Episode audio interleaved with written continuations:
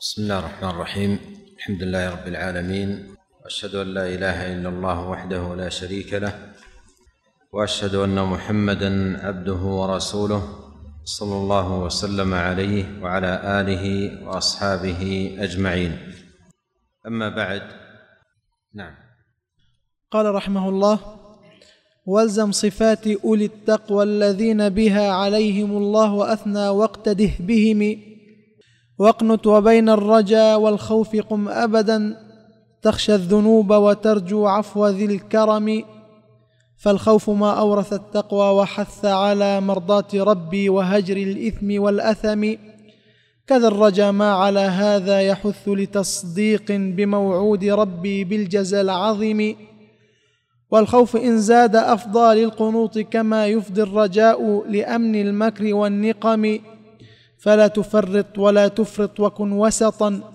ومثل ما ومثل, ومثل ما أمر الرحمن فاستقم. سدد وقارب وأبشر واستعن بغدو ور هنا سدد.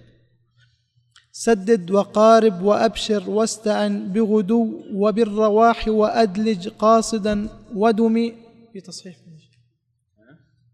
يعني الواو تبقى ساكنة و وبالرواح. موجودة في موجودة بأحد الطبعات وحتى ما ينكسر البيت. بالرواحي نعم. موجودة.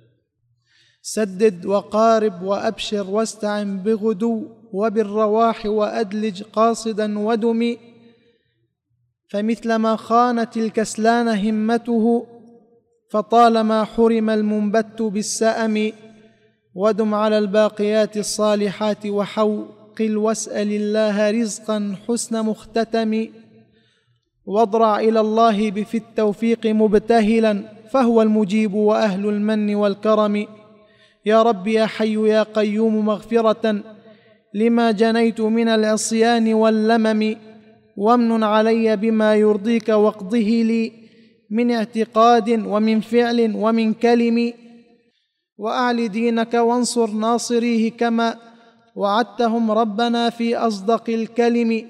واقصم ببأسك ربي حزب خاذله ورد كيد الأعادي في نحورهم واشدد عليهم بزلزال ودمدمة كما فعلت بأهل الحجر في القدم واجعلهم ربنا للخلق موعظة وعبرة يا شديد البطش والنقم ثم الصلاة على المعصوم من خطأ محمد خير رسل الله كلهم والآل والصحب ثم التابعين لهم وتم نظمي بحمد الله ذي النعم.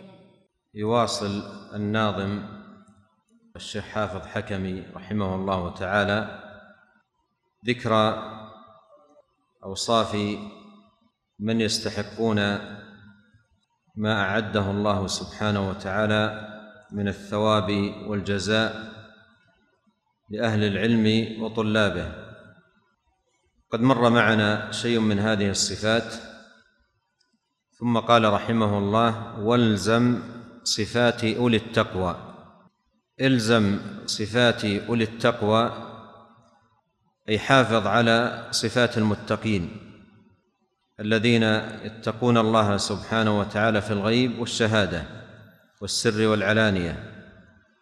وتقوى الله جل وعلا هي العمل بطاعة الله على نور من الله رجاء ثواب الله وترك معصية الله على نور من الله خيفة عذاب الله.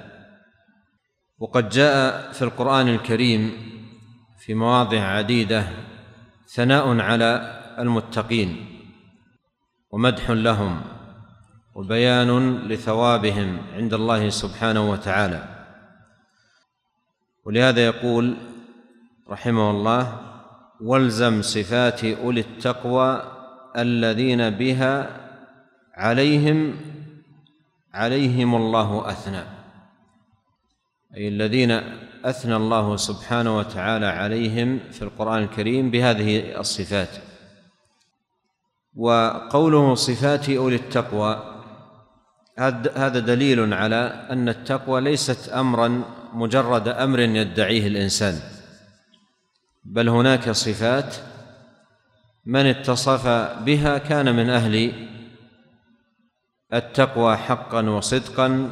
جاء بيانها في كتاب الله جل وعلا وسنة نبيه صلوات الله وسلامه عليه. وقوله واقتده بهم أي كن مقتديا بهؤلاء. كما قال الله جل وعلا أولئك الذين هدى الله فبهداه مقتده اقتده بهم أي كن مقتديا بهم وليكونوا لك قدوه. وهذا البيت ينبه فيه رحمه الله تعالى على فائدة تربوية. في ترويض النفس على أفعال الخير وأبواب التقوى ألا وهي أن هذا المقام يحتاج من العبد إلى نظر في سير الأخيار وصفات المتقين حتى يتأثر بهؤلاء. ويأتسي بهم. ثم قال واقنت وبين الرجاء والخوف قم ابدا. واقنت المراد بالقنوت مداومة الطاعة وملازمة العبادة. قال الله تعالى يا مريم اقنتي لربك. واسجدي واركعي مع الراكعين. وقال جل وعلا إن إبراهيم كان أمة قانتا لله حنيفا. والمراد بالقنوت المداومة على طاعة الله سبحانه وتعالى. وقوله بين الرجاء والخوف أي داوم الطاعة ولازم العبادة وكن في ذلك بين الرجاء والخوف. تفعل الطاعة وأنت ترجو رحمة الله سبحانه وتخاف عذابه. كما قال جل وعلا أولئك الذين يدعون يبتغون إلى ربهم الوسيلة أيهم أقرب ويرجون رحمته. ويخافون عذابه. إن عذاب ربك كان محظورا. والرجاء والخوف ركنان للعبادة لكل عبادة لا بد منهما. لا بد في كل عبادة يتقرب العبد بها إلى الله سبحانه وتعالى أن يجمع فيها بين الرجاء والخوف. يعبد الله راجيا رحمته خائفا من عذابه سبحانه وتعالى. قال بين وبين الرجاء والخوف قم ابدا. وقوله قم ابدا هذا بيان لأن الخوف والرجاء لا بد منهما في كل عبادة يتقرب بها العبد إلى الله في كل وقت وحين. قم ابدا. تخشى الذنوب وترجو عفو ذي الكرم. هذا معنى بين الخوف والرجاء. تخشى الذنوب وعواقبها وغوائلها.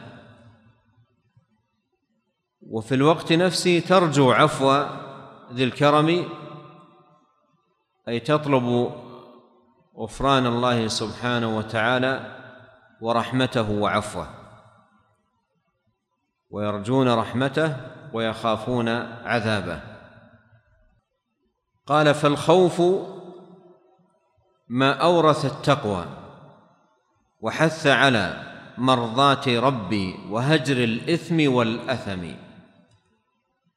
يبين الخوف الشرعي المطلوب من المسلم بأنه الخوف الذي يورث التقوى فيحجز عن المعاصي ويباعد العبد عن الذنوب والآثام. هذا هو الخوف المطلوب أن يكون العبد خائفا من الله سبحانه وتعالى خوفا يورث في العبد تقوى الله. وخشيته سبحانه وتعالى في الغيب والشهادة ويورث بعد العبد عن الذنوب والآثام. فالخوف ما أورث التقوى. ما هنا اسم موصول بمعنى الذي. فالخوف ما أورث التقوى أي فالخوف الذي يورث التقوى. وحث على مرضاة الله. ويحث العبد على المحافظة على العبادات خوفا من الله. يجتنب الذنوب خوفا من الله ويؤدي الطاعات والقربات خوفا من الله سبحانه وتعالى. وحث على مرضاه ربي وهجر الإثم والأثم أي والبعد عن الآثام والذنوب. كذا الرجاء ما على هذا يحث. كذا الرجاء ما على هذا يحث. أي وكذلك الرجاء المشروع المأمور به شرعا هو الذي يحث على تقوى الله وعلى فعل ما يرضيه وعلى البعد عن المعاصي والذنوب. كذا الرجاء ما ما على هذا يحث. هذا الإشارة إلى ما تقدم في البيت الذي قبله وهو تقوى الله والحث على مرضاته وهجر الذنوب. ما على هذا يحث لتصديق بموعود ربي بالجزاء العظيم لكونه مصدقا بالجزاء العظيم والثواب الجزيل الذي الذي أعده الله سبحانه وتعالى لعباده المتقين. هذا هو ضابط الخوف والرجاء المطلوب من المسلم. لكن إن خرج المسلم بالخوف عن حده أو خرج بالرجاء عن حده انعكس الأمر. ولهذا ينبه الشيخ ويحذر في البيت الذي يليه فيقول والخوف إن زاد أفضى إلى أفضى للقنوط. والخوف إن زاد أفضى للقنوط. كما يفضي الرجاء لأمن المكر والنقم. يقول في هذا البيت إن الخوف إن زاد على حده أفضى أي أدى بالعبد إلى القنوط من رحمة الله. إذا خاف العبد خوفا زائدا عن الحد الشرعي المطلوب يستولي على قلبه القنوط ومن يقنط من رحمة ربه إلا القوم الضالون. وكذلك الشأن في الرجاء.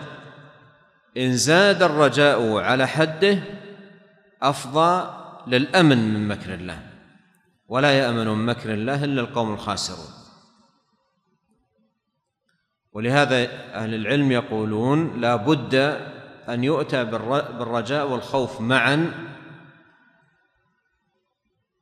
حتى يمضي العبد في عبادته باتزان جامعا بين الرجاء والخوف لأنه إن غلب الخوف قنط وإن غلب الرجاء أمن. وكل من القنوط والأمن من كبائر الذنوب. فوجب على العبد أن يجمع في طاعاته وعباداته وقرباته بين الرجاء والخوف. يرجو ويخاف. يرجو رحمة الله ويخاف عذابه سبحانه وتعالى. فلا تفرط ولا تفرط وكن وسطا. أي عليك أيها العبد أن تأتي بهما بتوسط واعتدال دون إفراط أو تفريط يعني دون زيادة ودون نقصان. لا تفرط تفريط التضييع والإهمال و وقوله ولا تفرط من الإفراط وهو الزيادة. والمجاوزة. فلا تفرط ولا تفرط وكن وسطا. وخيار الأمور أوساطها لا تفريطها ولا إفراطها. قد قال الله تعالى وكذلك جعلناكم أمة وسطا. وإذا سألت ما الوسطية؟ سواء في هذا الباب أو في غيره من أبواب الشرع يأتيك الجواب يأتيك الجواب المسدد على ذلك في قول الناظم رحمه الله ومثل ما أمر الرحمن فاستقم. هذه الوسطية. ومثل ما أمر الرحمن فاستقم. أن تستقيم مثل ما أمرك الرحمن. هذه الوسطية. فإذا استقمت مثل ما أمرك الرحمن كنت متوسطا. فإن زدت فهذا إفراط. وإن قصرت فهذا تفريط.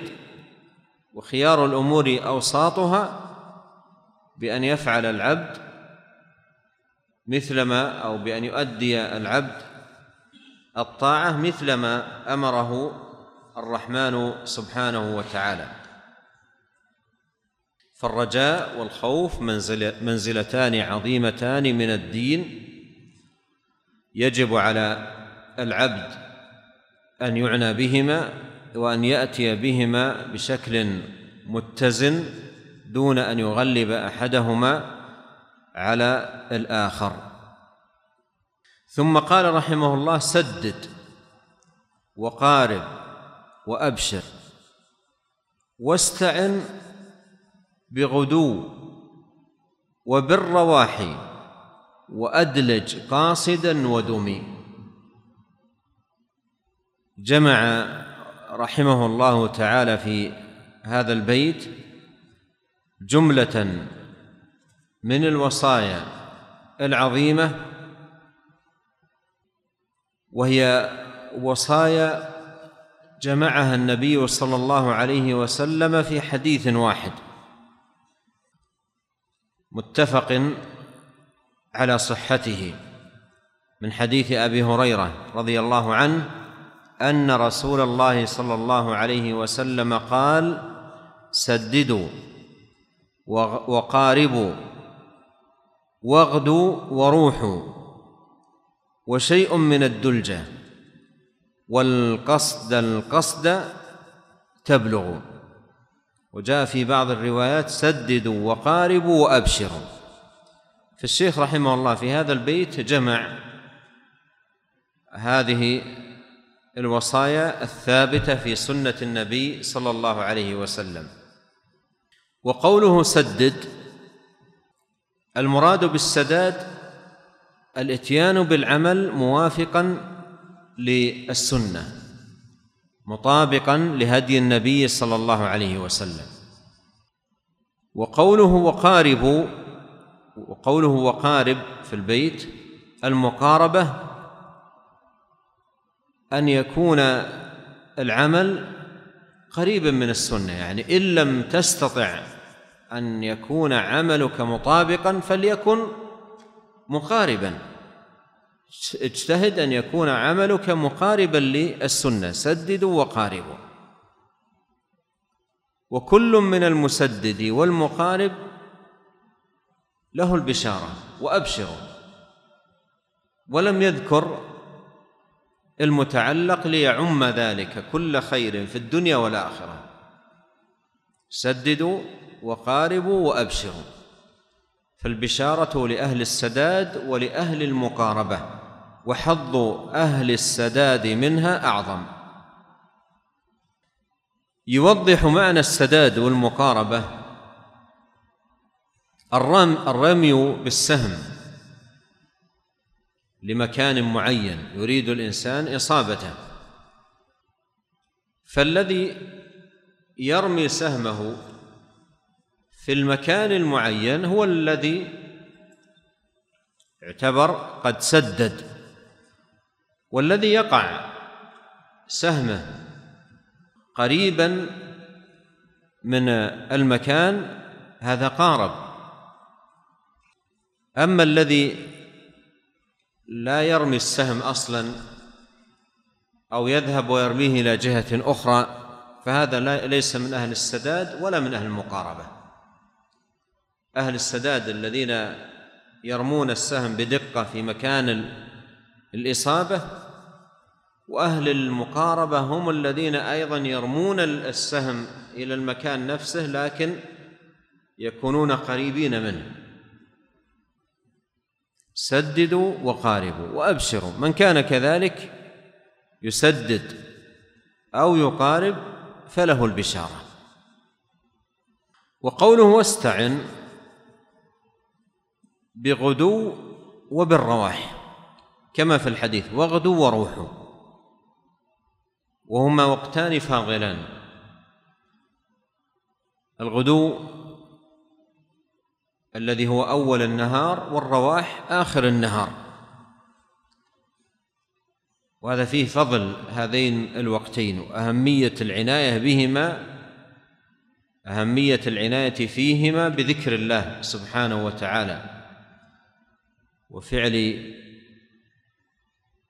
آه، الطاعات.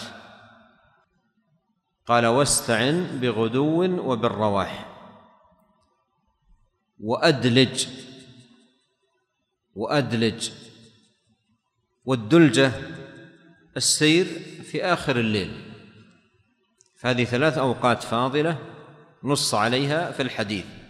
قال واغدوا وروحوا وشيء من الدلجة وقوله قاصدا هذا أخذه أيضا من الحديث نفسه والقصد القصد تبلغ والقصد هو التوسط بين الغلو والجفاء والإفراط والتفريط.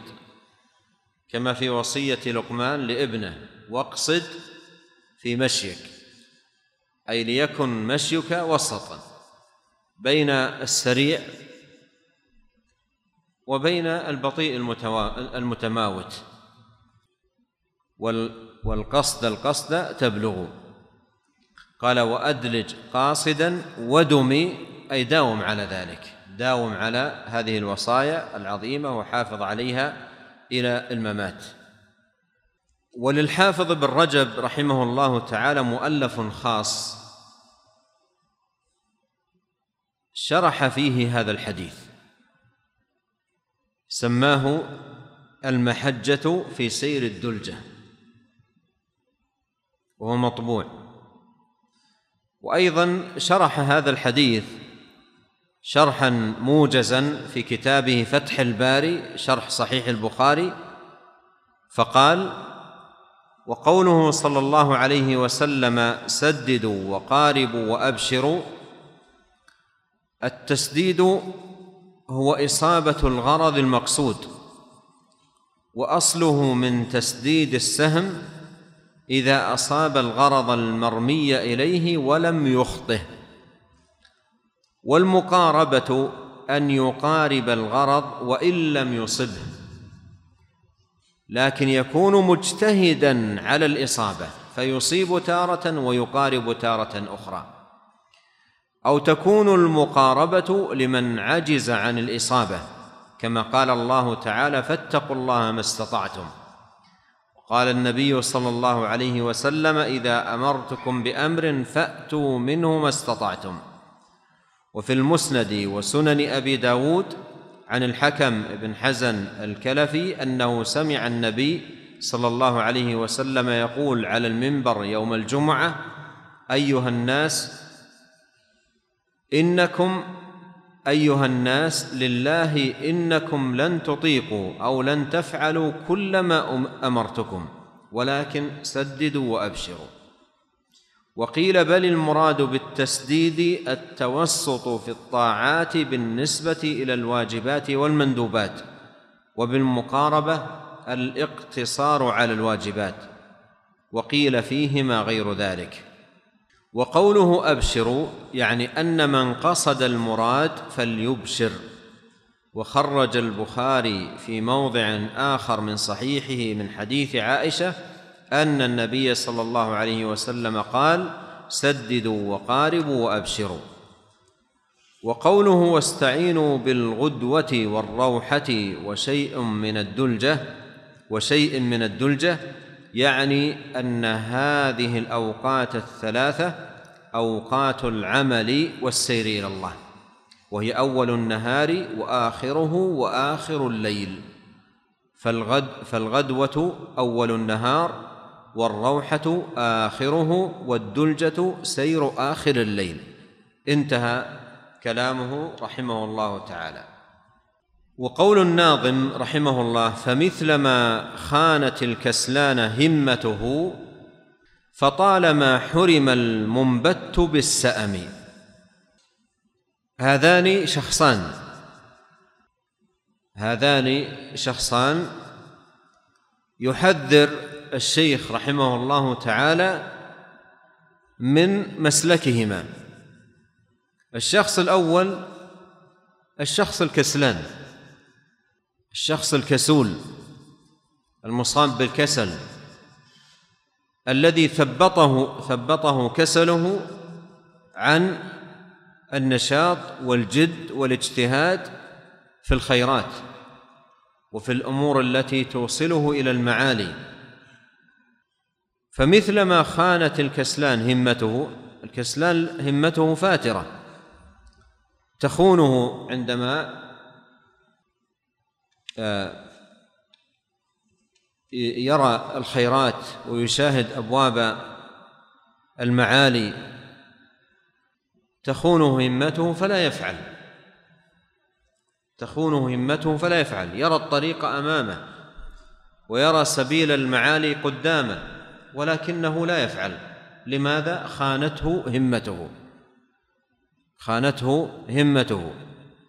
فمثل ما خانت الكسلان همته فطالما حرم المنبت بالسأم. والمنبت المنقطع.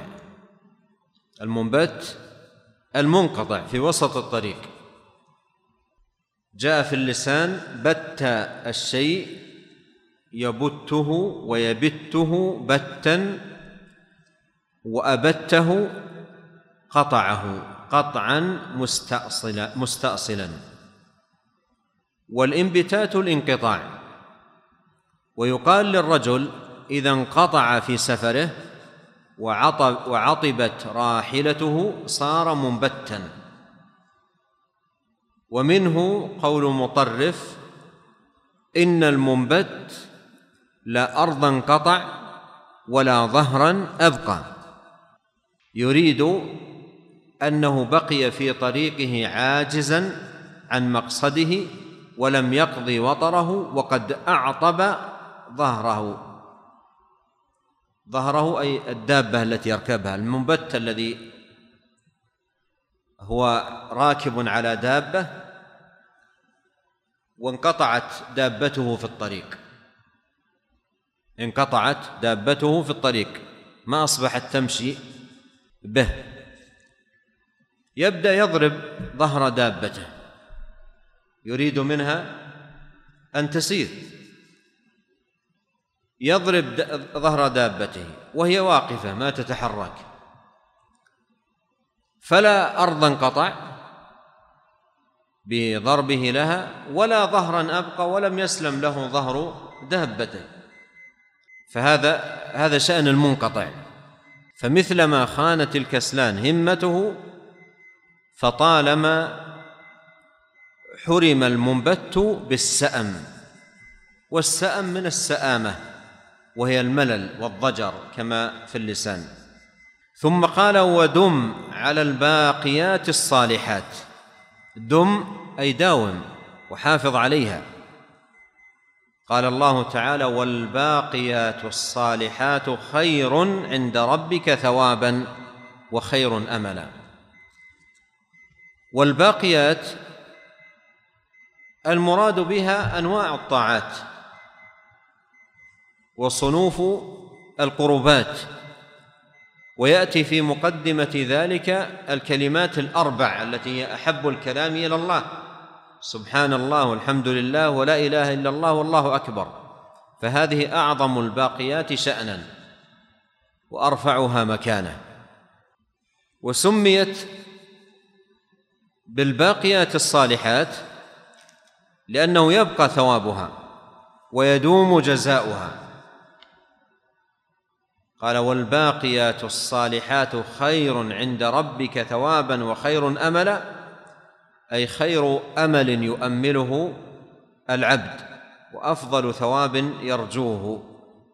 وقد جاء في الحديث عن أبي هريرة رضي الله عنه أن النبي صلى الله عليه وسلم قال خذوا خذوا جنتكم. قلنا يا رسول الله من عدو قد حضر؟ قال لا بل جنتكم من النار. أي خذوا ما دمتم في الحياة الدنيا جنة لكم أي واقيا لكم يقيكم من النار. قال لا بل جنتكم من النار. قولوا سبحان الله والحمد لله ولا إله إلا الله والله أكبر فإنهن يأتين يوم القيامة يوم القيامة منجيات مقدمات. منجيات أي لصاحبهن من النار ومقدمات له في إلى الجنة. فإنهن يأتين يوم القيامة منجيات مقدمات وهن الباقيات الصالحات. رواه الحاكم وصححه. وقول الناظم رحمه الله وحوقل وحوقلا.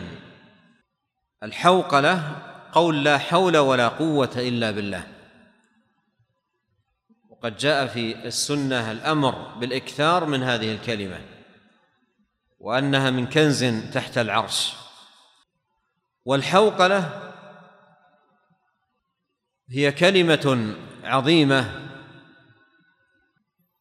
تتضمن طلب العون من الله لأن معنى لا حول ولا قوة إلا بالله أي لا تحول من حال إلى حال ولا حصول قوة للعبد إلا بالله سبحانه وتعالى.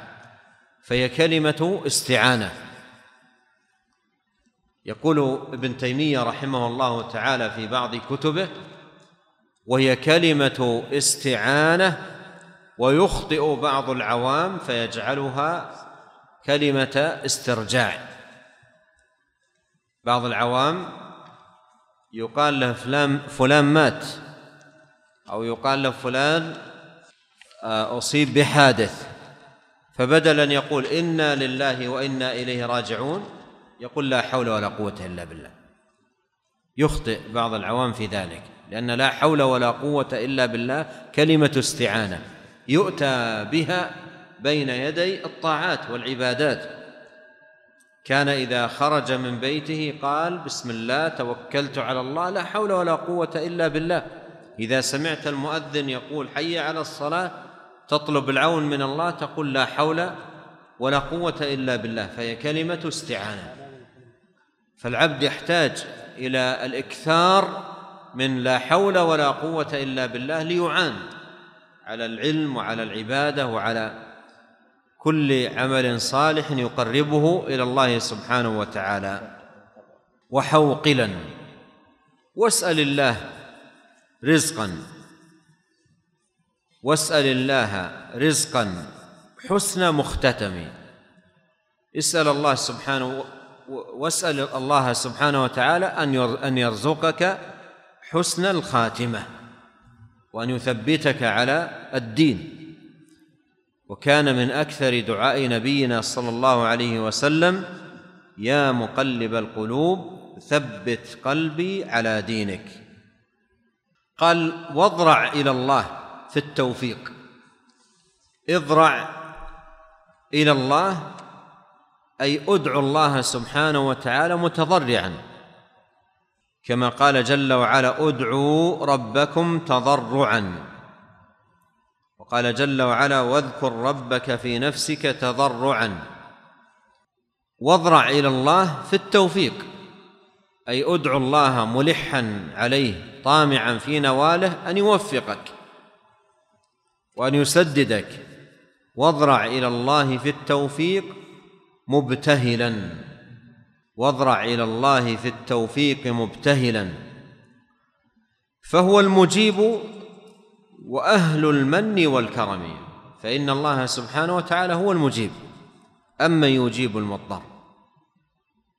وإذا سألك عبادي عني فإني قريب. أجيب دعوة الداعي إذا دعان وقال ربكم ادعوني أستجب لكم.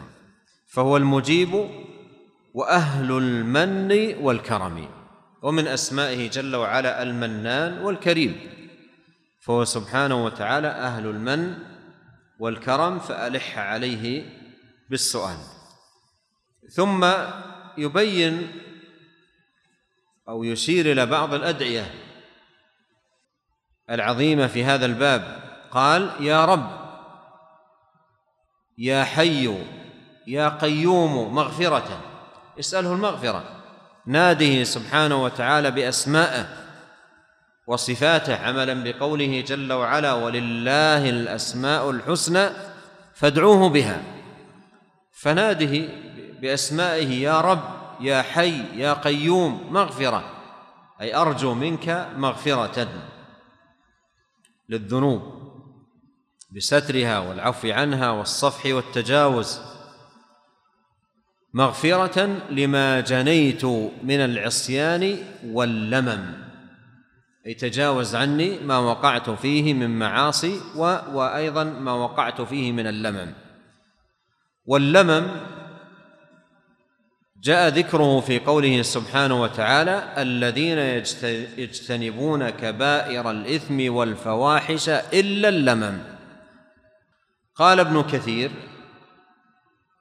وهذا استثناء منقطع. قوله إلا اللمم قال وهذا استثناء منقطع. لأن اللمم من صغائر الذنوب ومحقرات الأعمال. ثم أورد قول ابن عباس رضي الله عنهما في الصحيحين أنه قال ما رأيت شيئا أشبه باللمم مما قال أبو هريرة عن النبي صلى الله عليه وسلم. قال الله تعالى إن الله تعالى كتب على ابن آدم حظه من الزنا أدرك ذلك لا محالة. فزنا العين النظر وزنا اللسان النطق والنفس تمنى وتشتهي والفرج يصدق ذلك أو يكذبه. قال الناظم وامن علي بما يرضيك أي يا رب يا حي يا قيوم مغفرة أرجوك مغفرة وامن علي بما يرضيك. أي وفقني لفعل الطاعات والعبادات التي ترضيك وترضى بها عني. وامن علي بما يرضيك. واقضه لي. أي اكتب لي الطاعة. واقضها لي أي كونا وقدرا. اجعلها آه، مما كتبته لي. اكتبني في عبادك عداد عبادك المطيعين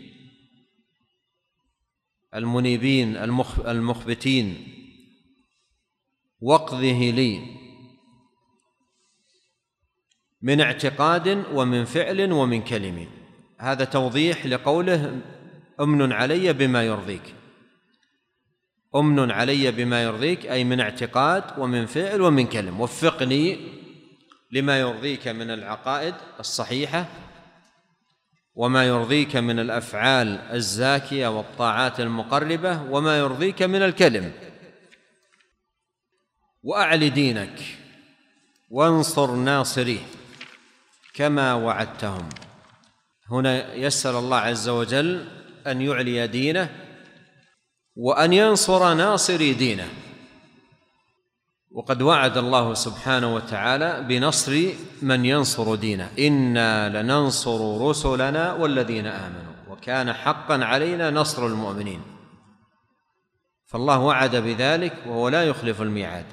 كما وعدتهم ربنا في أصدق الكلم أي في الآيات التي جاء فيها هذا المعنى مما أشرت إلى بعضه. ثم قال رحمه الله تعالى واقسم ببأسك ربي حزب خاذله واقسم ببأسك ربي حزب خاذله ورد كيد الأعادي في نحورهم.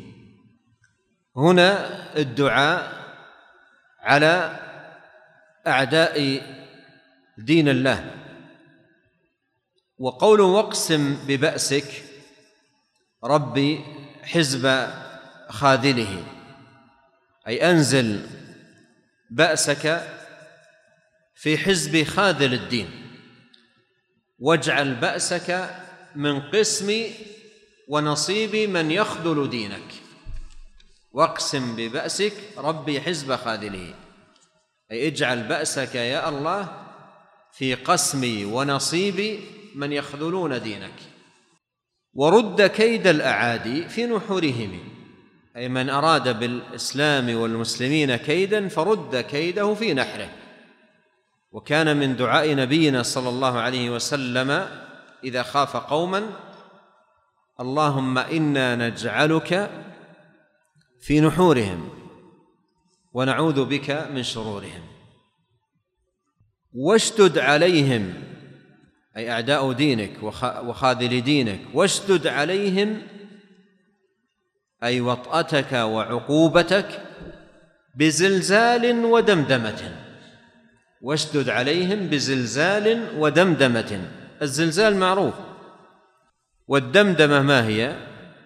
قال ودمدمة كما فعلت بأهل الحجر في القدم أي سابقا كما فعلته بأهل الحجر سابقا وأهل الحجر قوم صالح الذين عقروا الناقة. كما فعلت بأهل الحجر في قدم يشير إلى ما جاء في سورة الشمس فكذبوه أي كذب قوم صالح صالحا عليه السلام فكذبوه فعقروها فدمدم عليهم ربهم بذنبهم فسواها. هذا المراد بقوله ودمدمه قال الشيخ عبد الرحمن بن سعدي رحمه الله أي دمر عليهم وعمهم بعقوبة. أي دمر عليهم وعمهم أي دمر عليهم معنى فدمدم عليهم أي دمر عليهم وعمهم بعقابه. وأرسل عليهم الصيحه من فوقهم والرجفه من تحتهم فأصبحوا جاثمين على ركبهم لا تجد منهم داعيا ولا مجيبا. انتهى.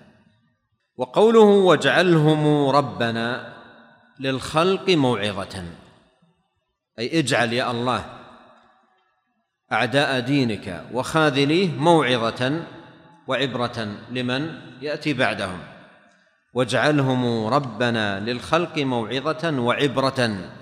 يا شديد البطش. إن بطش ربك لشديد. يا شديد البطش والنقم. أي شديد النكال والعقوبة.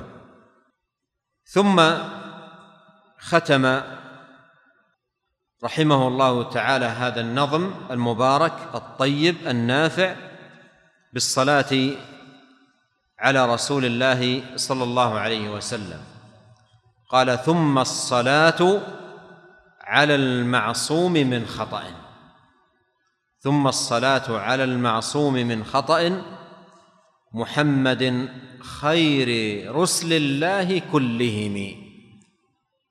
كما قال صلى الله عليه وسلم أنا سيد ولد آدم ولا فخر.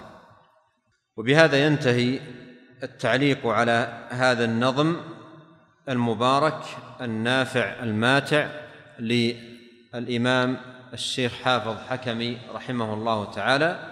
ونسأل الله عز وجل بأسماء الحسنى وصفاته العلى وبأنه الله الذي لا إله إلا هو أن ينفعنا جميعا بما علمنا وأن يجعل ما تعلمناه حجة لا لنا لا علينا. وأن يهدينا إليه صراطا مستقيما وأن يصلح لنا شأننا كله وأن يغفر لنا ولوالدينا ولمشايخنا وللمسلمين والمسلمات والمؤمنين والمؤمنات الأحياء منهم والأموات والله تعالى أعلم وصلى الله وسلم على رسول الله